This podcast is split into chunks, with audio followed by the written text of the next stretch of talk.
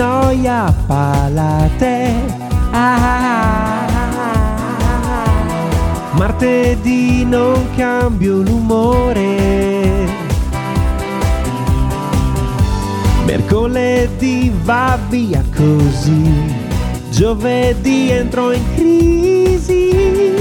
Venerdì che liberazione. Sabato in fibrillazione, sai la novità. Uh, torna weekend free dalle 10 o giù di lì, siamo pronti per un'ora. Solo su Radio Free da telefono PC, con Tony torna il buon umore. Torna weekend free dalle 10 o giù di lì, siamo pronti per un'ora.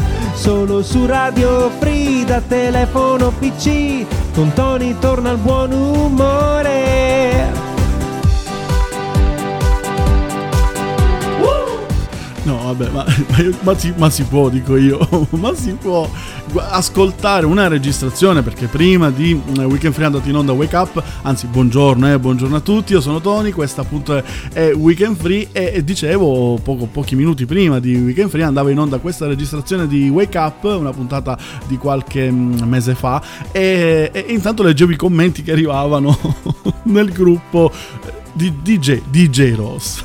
DJ Ross? Vabbè, vabbè, lasciamo perdere. Dopo spiegheremo tutto per benino. Buongiorno intanto, benvenuti, ben ritrovati in diretta dalla Canada, come ormai consuetudine, eh, come sempre, mm, da tre puntate a questa parte, cioè tre puntate di fila a questa parte incredibile. Siamo in onda qui a, mm, a, come dire, a darvi il benvenuto e a dare il benvenuto al weekend che sta arrivando, che alle porte, anche se magari per qualcuno è già cominciato, eh, perché magari il venerdì, io lo, lo dico insomma quando ero un po' più giovane, quindi parliamo di anni fa praticamente e il venerdì per me cominciava il venerdì pomeriggio cioè il weekend mm, perché io una volta che finivo nell'esatto l'esatto istante in cui io finivo di lavorare, per me quello era l'inizio del weekend praticamente.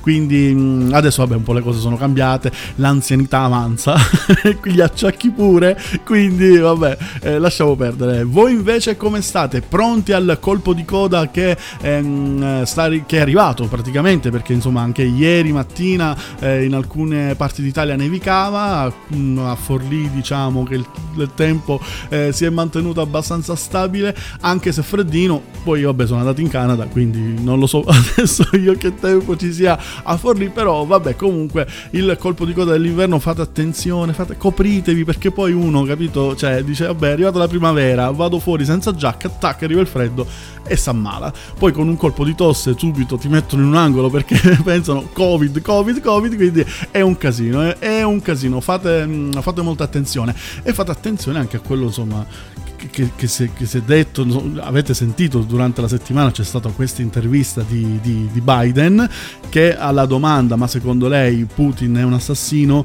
lui ha risposto sì, secondo me sì lo è.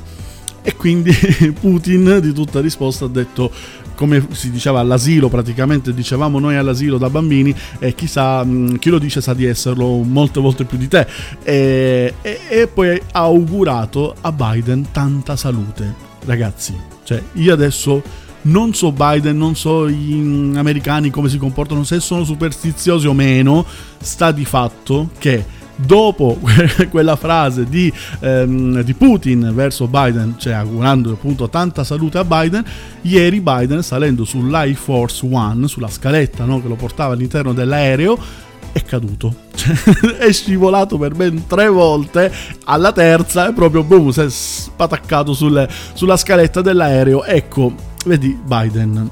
Io, quando uno ti dice così, anche se da lontano, cioè io che sono terrone, dico, avrei mille modi di, di chiamare questa cosa, ma non, non le dico neanche io una toccatina, così, eh, cioè, ma per dire un attimo, cioè una ravanatina, così perché cioè, sono quelle cose brutte eh, che ti arrivano anche da lontano, anzi forse da lontano ti arrivano pure più forte e meglio. Vabbè, comunque lasciamo perdere la, la questione eh, Biden, Biden-Putin, sperando che Biden non si sia fatto troppo male in quella caduta, insomma. E vi ricordo i nostri contatti, se volete eh, comunicare con noi, Weekend Free, il gruppo ragazzi, Weekend Free, il gruppo ci trovate su Facebook, iscrivetevi, venite, vi aspettiamo a braccia aperte intanto closing time. Closing time. Open all the doors and let you out into the world. Closing time. Turn all of the lights on over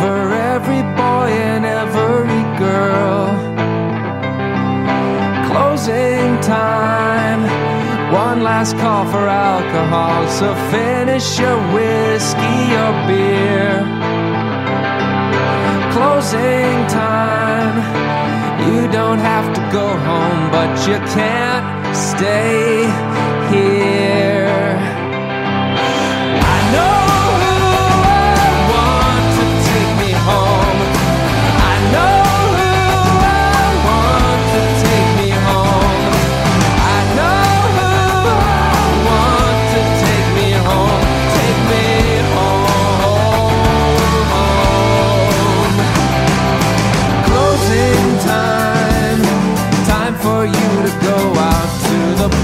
You will be from. Closing time, this room won't be open till your brothers or your sisters come.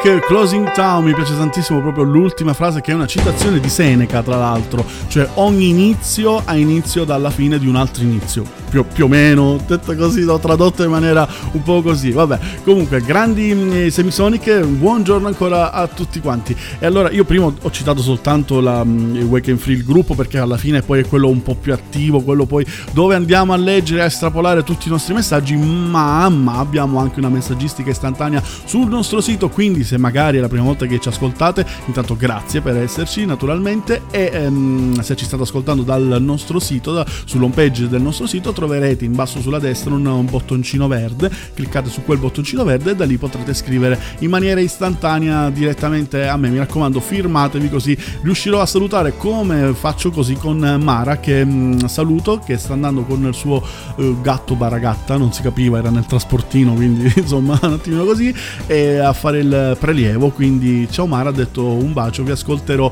in replica e va bene, domani avrai la tua replica su Spotify sicuramente, ma martedì se la radio si sente, perché martedì scorso non si sentiva, martedì mattina se la radio va tutto bene, alle 11 troverete la replica di questo programma, quindi potete ricollegarvi a radiofreelive.com e martedì mattina dalle 11 circa potrete riascoltare mm, la canzone, cioè la puntata in replica. E dicevo prima in apertura che mi faceva tanto ridere DJ Ross, perché DJ Ross, mm, insomma, si, si facevano due chiacchiere insieme a, ad altri ascoltatori, soprattutto ascoltatrici, e lui era sempre lì che cioè, mi, mi, fai troppo ridere, cioè, sei un mito assoluto e chissà se vai ancora in onda, ma penso di sì su Radio Vigevano, vabbè comunque eh, ti saluto e ti abbraccio naturalmente. E così come salutiamo mh, mm, tutti quelli che in questa settimana sono, mh, mm, hanno partecipato insomma con le loro canzoni alle nostre domande. Perché vi chiedevo prima di iscrivervi al gruppo? Perché all'interno del nostro gruppo noi durante la settimana settimana facciamo delle domande, no? un po' domande della vita di tutti i giorni, insomma cose normali direi. Questa settimana è stata la volta della, mm, delle prime volte, quindi abbiamo fatto una serie di domande su delle prime volte avute nel, nella vita insomma delle persone. E la prima domanda è stata qual è stato il vostro primo appuntamento, cioè e quale colonna sonora eh, avete avuto o avreste voluto per il vostro primo appuntamento sono arrivate canzoni clamorose, ma come ogni settimana arrivano canzoni clamorose, io di tutte insomma, le richieste ne ho scelto ovviamente un paio e partiamo con quella di Pierluca. Ehm, Pierluca ha scelto una canzone bella, romantica, ma eh, scritta secondo me da un artista geniale perché a me piace davvero tantissimo, ovvero Richard Ashcroft. Eh, qui mh, mm, questa sua A Song for the Lovers è tratta dal primo album del, da solista dopo aver sciolto il Ve- i Verve nel 2000. Poi vabbè, si sono riuniti, poi si sono risciolti, hanno fatto un casino. Comunque, Richard Ashcroft eh, A Song for the Lovers direttamente dal 2000, dal suo primo album da solista, richiesta di Pierluca. Night. Yeah, looking for my insides in a hotel room, waiting for you. We're gonna make it tonight. Yeah, something in the air tells me the time is right, so we better get on. Did you hear song for the lovers?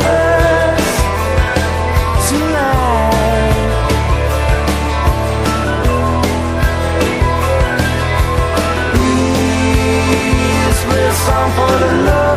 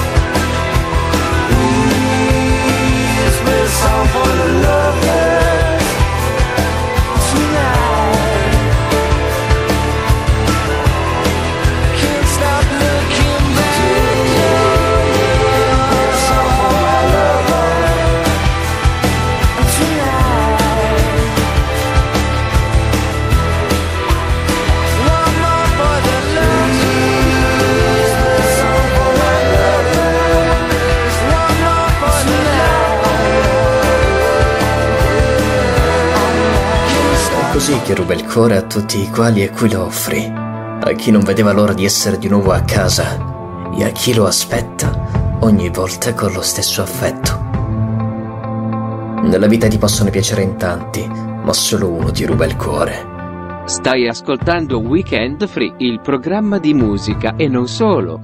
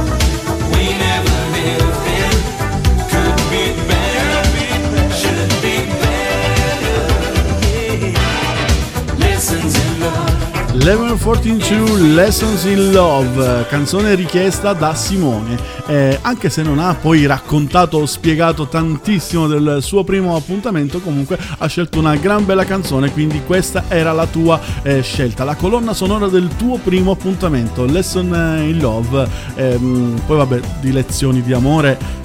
Mi viene in mente quella persona che segue adesso, io adesso non, Paolina, una roba, adesso non mi ricordo come si chiama, vabbè, comunque tu hai capito se stai ascoltando, almeno prima scrivevi nel gruppo, quindi spero che tu sia rimasto all'ascolto e mm, capisci, cioè, io faccio il collegamento automatico con quella eh, lì di Instagram e mi viene molto molto da ridere Simone, vabbè.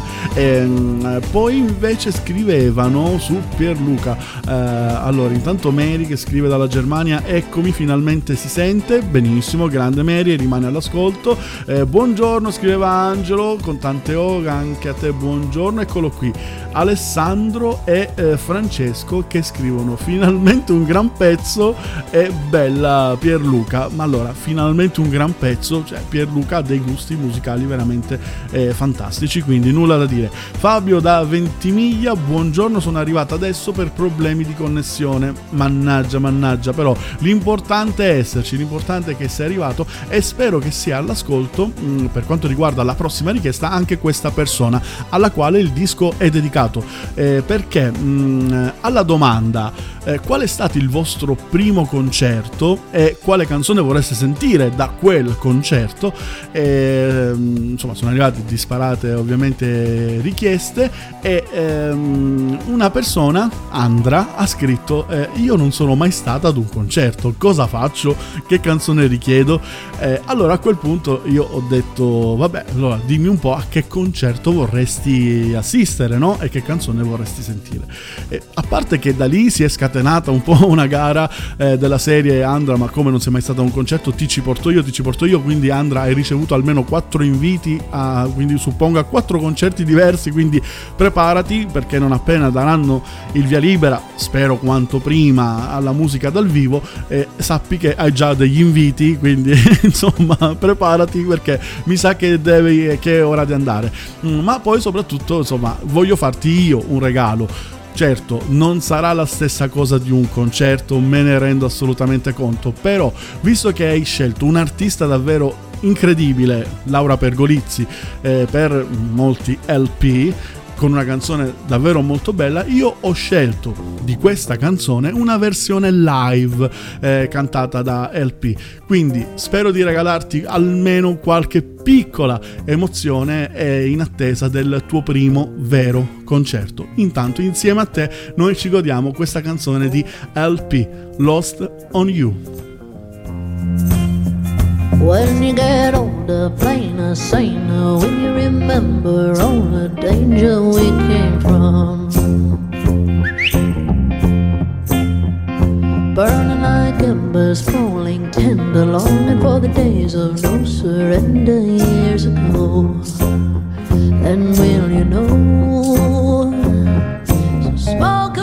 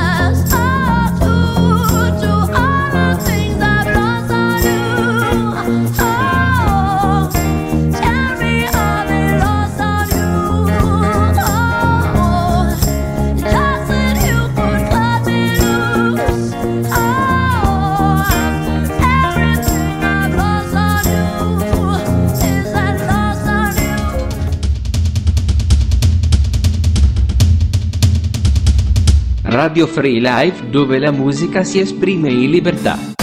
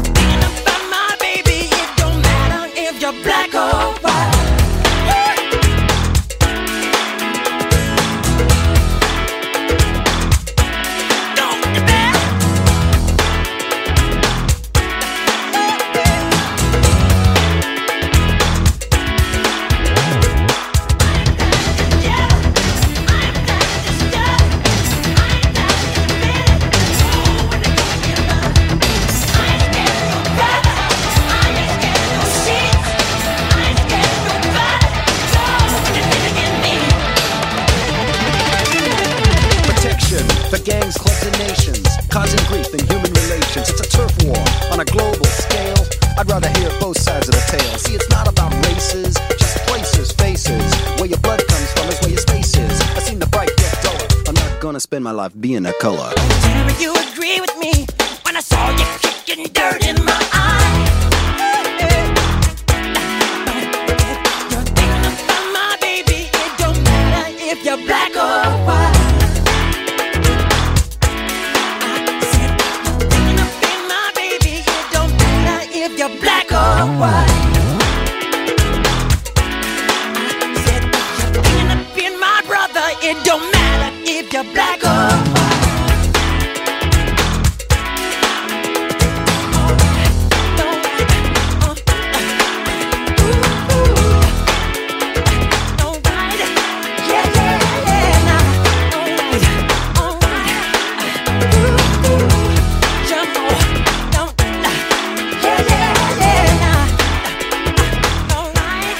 Or White, Michael Jackson, anche perché un paio di, mm, eh, di ascoltatrici, credo Alex e Mara se non ricordo male, sono state, eh, penso di aver capito dai commenti, addirittura allo stesso concerto di Michael Jackson. Quindi ho tanta roba. Michael Jackson dal vivo sarebbe stato uno dei concerti che avrei voluto assolutamente eh, vedere. Non ce l'ho fatta, pazienza, peccato. Comunque, grandissimo mm, Michael Jackson, Black or White, 10 e 34 in questo eh, momento. Siamo arrivati a metà praticamente del nostro percorso con eh, Weekend Free. Buongiorno ancora a tutti. Io sono Tony, mm, grazie per esserci. Insomma, e benvenuti a chi magari si fosse collegato soltanto in questo momento. Tipo Stella che arriva cos- così lei arriva a scena aperta primo ehm, messaggio che, che arriva primo messaggio che scrive era adesso l'ho perso ovviamente è andato sotto gli altri tipo ehm, bella musica stamattina mi sto addormentando una roba del genere eh, così. Però vabbè comunque buongiorno a te Stella benvenuta.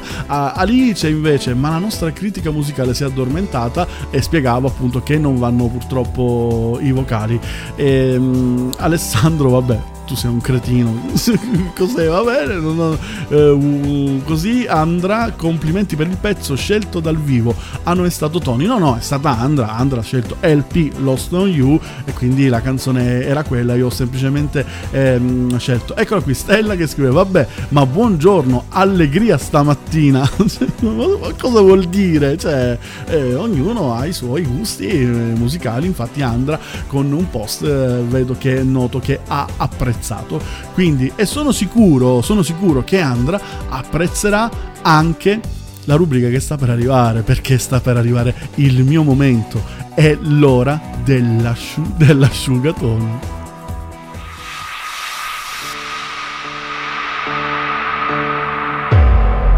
Pensavate di esservene definitivamente liberati. Credevate che niente e nessuno avrebbe potuto farlo tornare. Poveri illusi.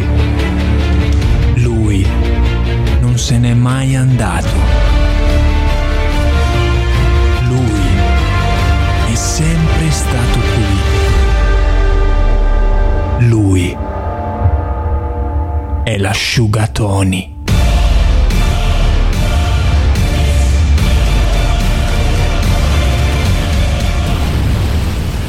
Ed eccomi qua, l'asciugatoni, il mio momento, la mia rubrica dove finalmente posso parlare di ciò che voglio. E io voglio elevare un po' eh, questa trasmissione, voglio accrescerla culturalmente parlando ovviamente. Quindi entriamo nel mood di- dell'asciugatoni perché questa settimana ripartiamo da dove eravamo lasciati praticamente, ma comunque andiamo su un, ehm, sull'argomento sempre di scienze, scienze naturali. Quindi io spero vivamente abbiamo fatto un accordo con, mi raccomando, insomma, sai benissimo quello... Bah, io te l'ho già detto prima della puntata, parlo col tecnico, eh, scusate. Ok, a posto, quindi partiamo adesso con l'asciugatoni in que- questo argomento così, insomma, che riguarda un po' eh, gli animali.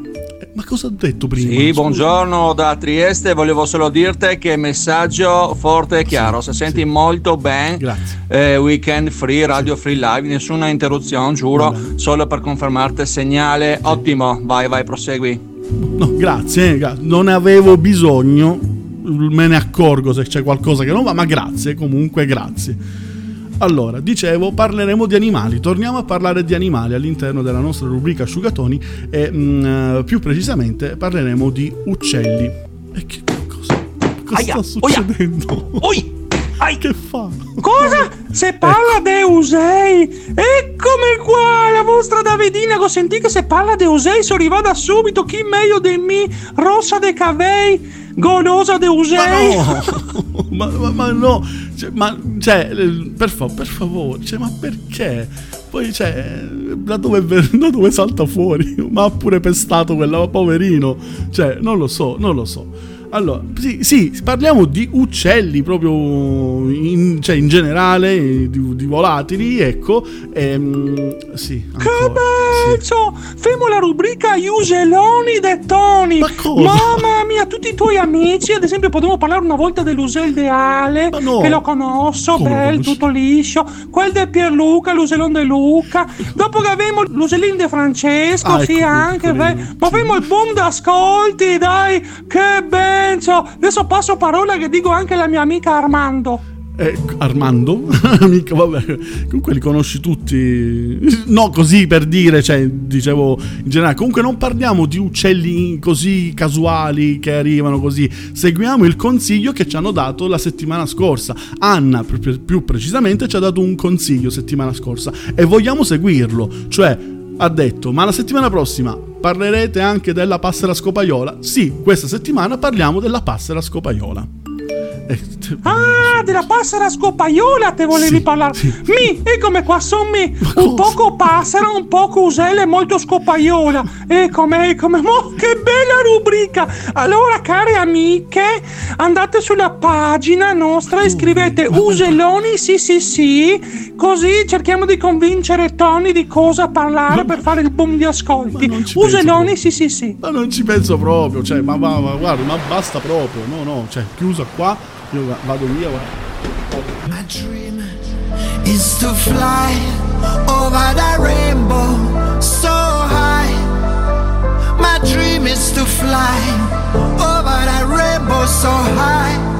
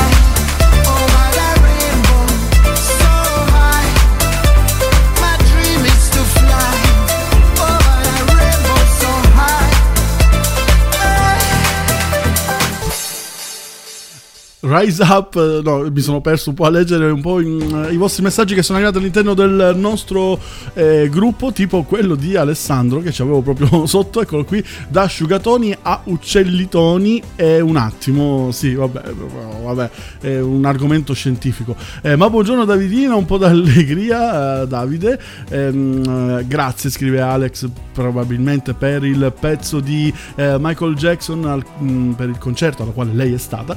Ehm, Andra, oh mamma che pezzo hai tirato fuori? Spero si riferisca a Rise Up, credo. Ehm, Mary, Andra, Andra, andremo a un concerto rock. Con questa, ahimè, mi stavo addormentando, mamma mia.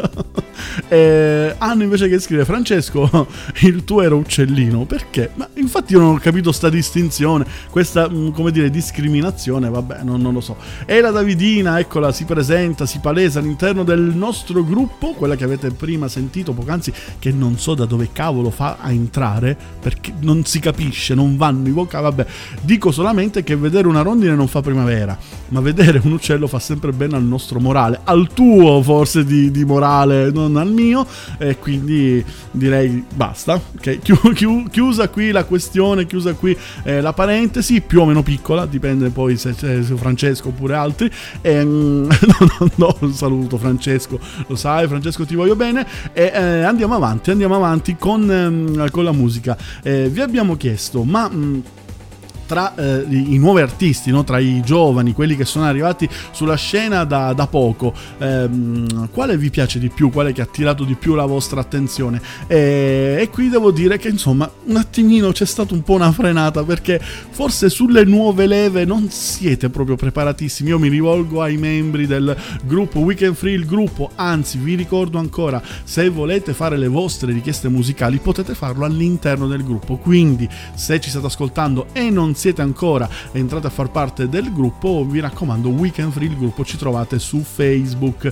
Ecco, mh, però diciamo che ehm, Stella, quella che prima si stava addormentando con la canzone di LP, ha, ehm, ha indicato come mh, gruppo emergente che, ehm, che segue in questo momento i pinguini tattici nucleari. E guarda, io ehm, ti seguo a ruota, quindi ho scelto anch'io i pinguini tattici nucleari, tu però non hai indicato la canzone. Allora sono andato io a prendere una canzone del eh, 2015 dal, se- dal loro secondo album, ehm, Diamo un calcio all'aldilà quindi un album di otto tracce, sono andato a selezionare la quarta traccia, la strategia della tenzone, così si chiama, perché mm, secondo me è un pezzo strutturato in maniera eh, geniale, suonato divinamente, perché sono veramente dei grandissimi musicisti, e racconta una storia, una storia d'amore, ma una storia d'amore un po' particolare. Quindi questi sono i pinguini tattici nucleari richiesti dalla nostra stella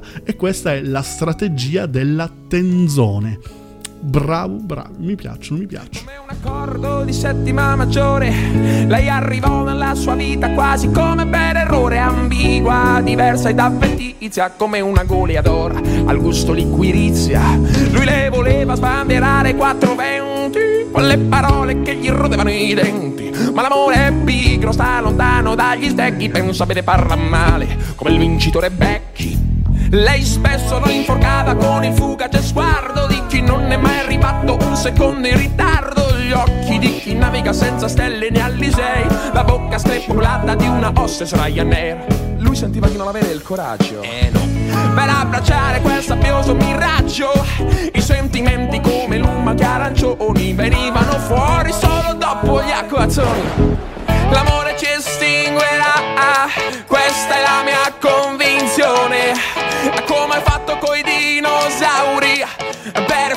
della distrazione. Quando caddero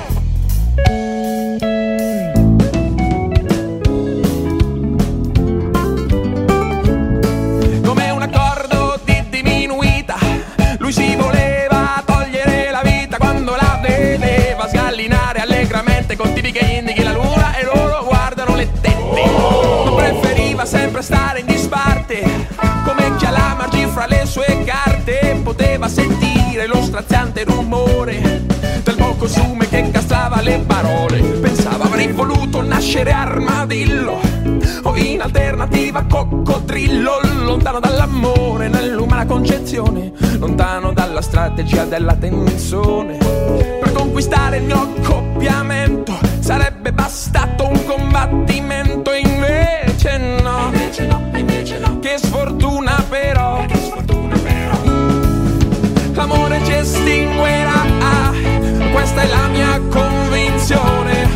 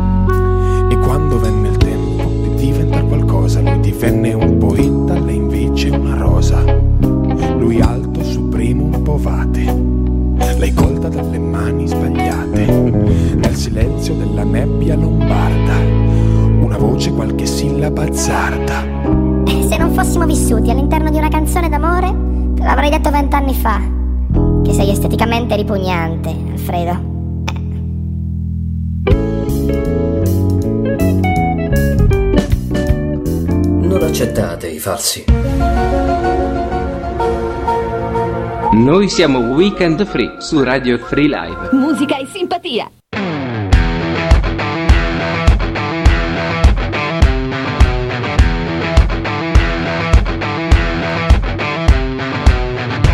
Loro non sanno di che parlo Vestiti sporchi fra di fango Giallo di siga fra le dita Io con la siga camminando.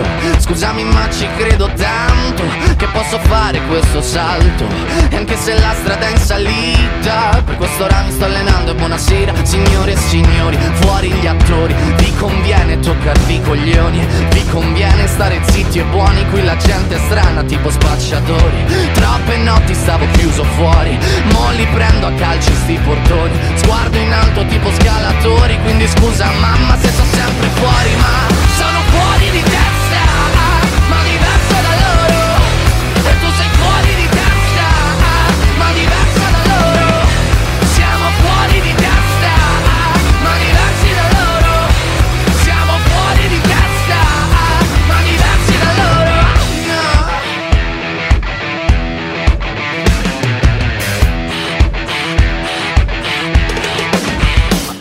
scritto pagine e pagine, ho visto sale e poi lacrime. Questi uomini in macchine, non scalare le rapide. Scritto sopra una lapide, in casa mia non c'è Dio Ma se trovi il senso del tempo risalirai dal tuo oblio. E non c'è vento che fermi la naturale potenza. Dal punto giusto di vista del vento senti l'ebbrezza. Con la lincera alla schiena ricercherò quell'altezza. Se vuoi fermarmi di testa prova a tagliarmi la testa perché Sono fuori di testa,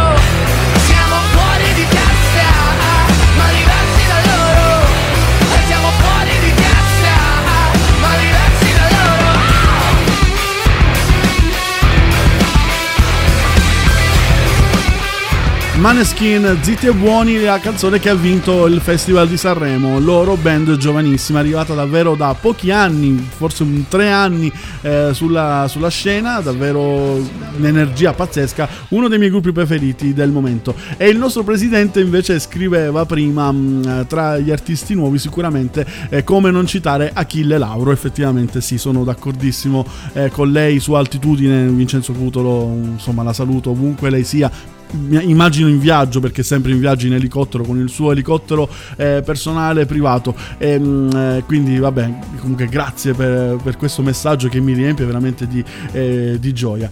Eh, poi vediamo un po' Eh, io rivoglio i gomblotti e non mi piace che Tony sceglie le canzoni ma alla fine sono sempre le vostre richieste quindi cambia davvero poco. Eh, Stella Mizzica Tony mm, parlavamo di nuove canzoni tenere al 2015 comunque sì li adoro hanno un modo di fare musica diverso dai pinguini tattici. Ma appunto per quello sono andato leggermente indietro proprio per eh, far vedere che il loro, mus- il loro modo di fare musica è proprio questo. Cioè non è perché adesso hanno fatto una canzone a Sanremo sono diventati tra virgolette famosi quantomeno più famosi rispetto a prima e allora hanno cambiato modo di fare musica. No il loro modo di fare musica è proprio questo da sempre. Quindi complimenti ai pinguini tattici. Ehm, eh, Anna ha gradito la nostra critica musicale che bella canzone di merda.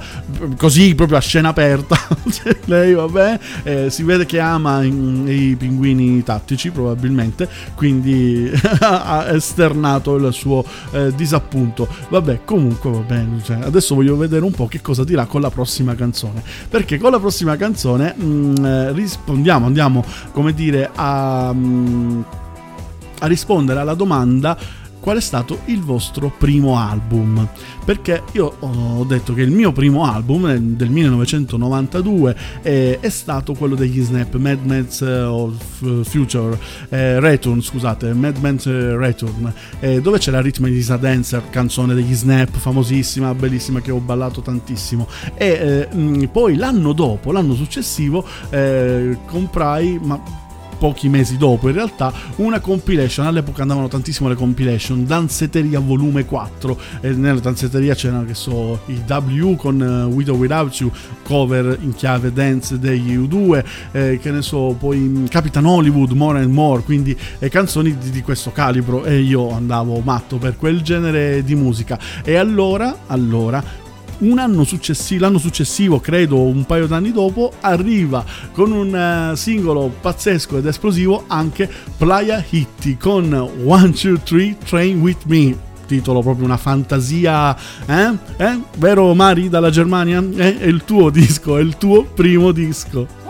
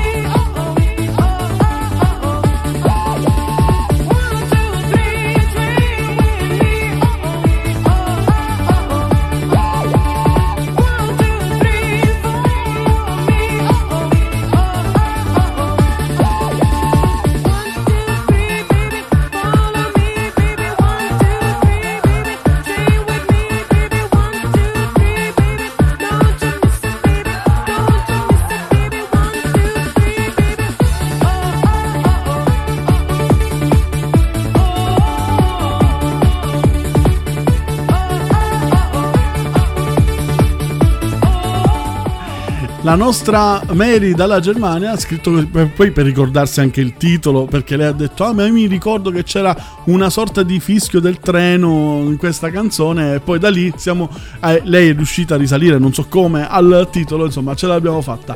E in quegli anni metà anni 90 andavano tantissimo insomma le canzoni dance di, di questo, di questo tipo. Ma siamo arrivati verso la fine. Ormai manca soltanto l'ultima canzone il disco weekend per questa settimana quindi ogni venerdì noi vi chiediamo di scegliere un disco weekend. Ehm, insomma tra quelli che sono arrivati io ho scelto questo. Ho scelto questo perché a parte che dà una carica davvero pazzesca.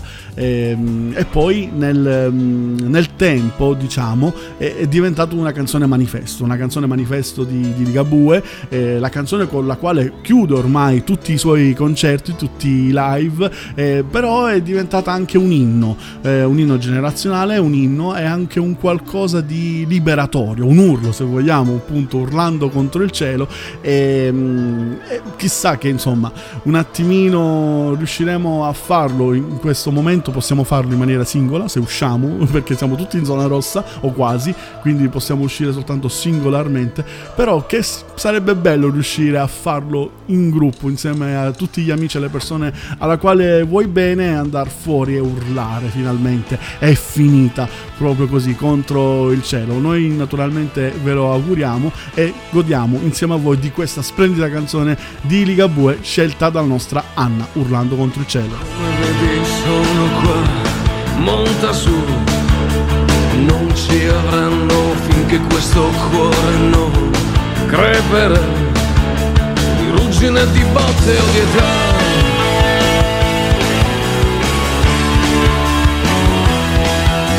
C'è una notte tiepida vecchio blues da fare insieme in qualche posto accosterò. Quella là Sarà la nostra casa ma credo che meriti di più. Ma intanto sono qua io e ti offro di ballarci su. È una canzone di cent'anni almeno. Urlando contro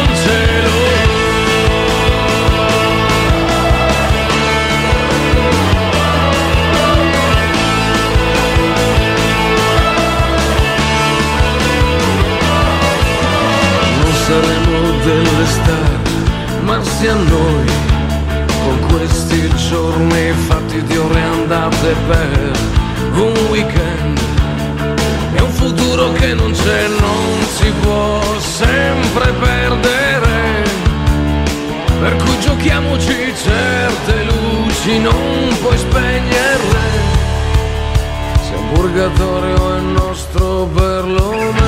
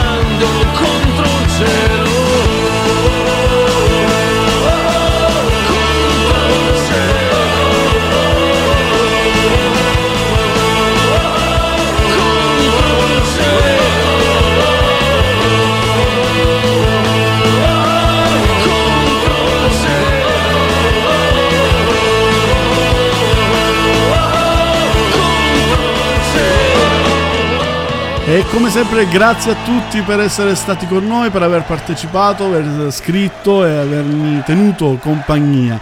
Grazie davvero anche ai nuovi arrivati e alla prossima settimana con una nuova puntata di Weekend Free.